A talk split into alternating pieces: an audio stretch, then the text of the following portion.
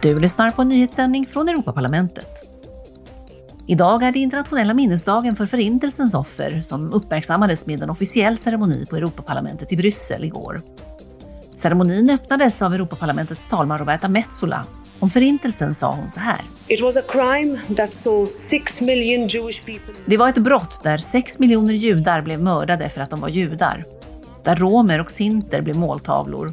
Där hbti-personer utplånades och så många andra blev förödmjukade och dödade på grund av sin etnicitet, sina funktionshinder, sin identitet, sin ras eller sin tro. race, or beliefs. Metsola tillade också, Even if it is hard to describe these crimes, även om det är svårt att beskriva dessa brott så måste vi fortsätta prata om dem och aldrig glömma.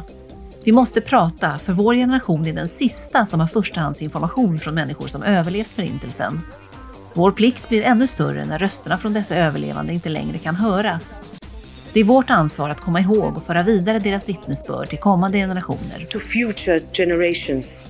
Israels president Isaac Herzog var också på plats under ceremonin. På en presskonferens strax innan den började sa Herzog The relationship between the State of Israel and Europe Förhållandet mellan staten Israel och Europa vilar inte bara på åminnelsen av det förflutnas fasor eller på att erkänna nutidens gemensamma hot.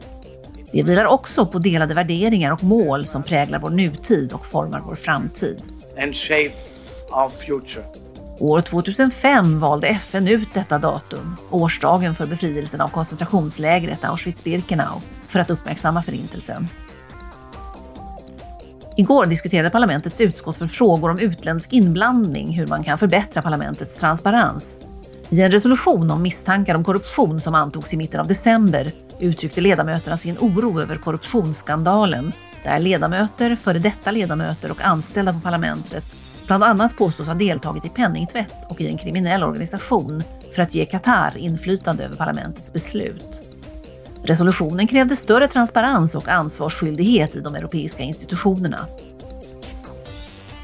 Den här veckan stödde parlamentsledamöterna planerna på att säkra EUs tillgång till mikrochip. Målet är att öka produktionen, främja innovation och avhjälpa akut brist på mikrochip. Utskottet för industri, forskning och energi antog två förslag. Ett om förordningen om halvledare som syftar till att stärka teknisk kapacitet och innovation och ett annat för att öka investeringarna inom denna sektor. Du har lyssnat på en nyhetssändning från Europaparlamentet.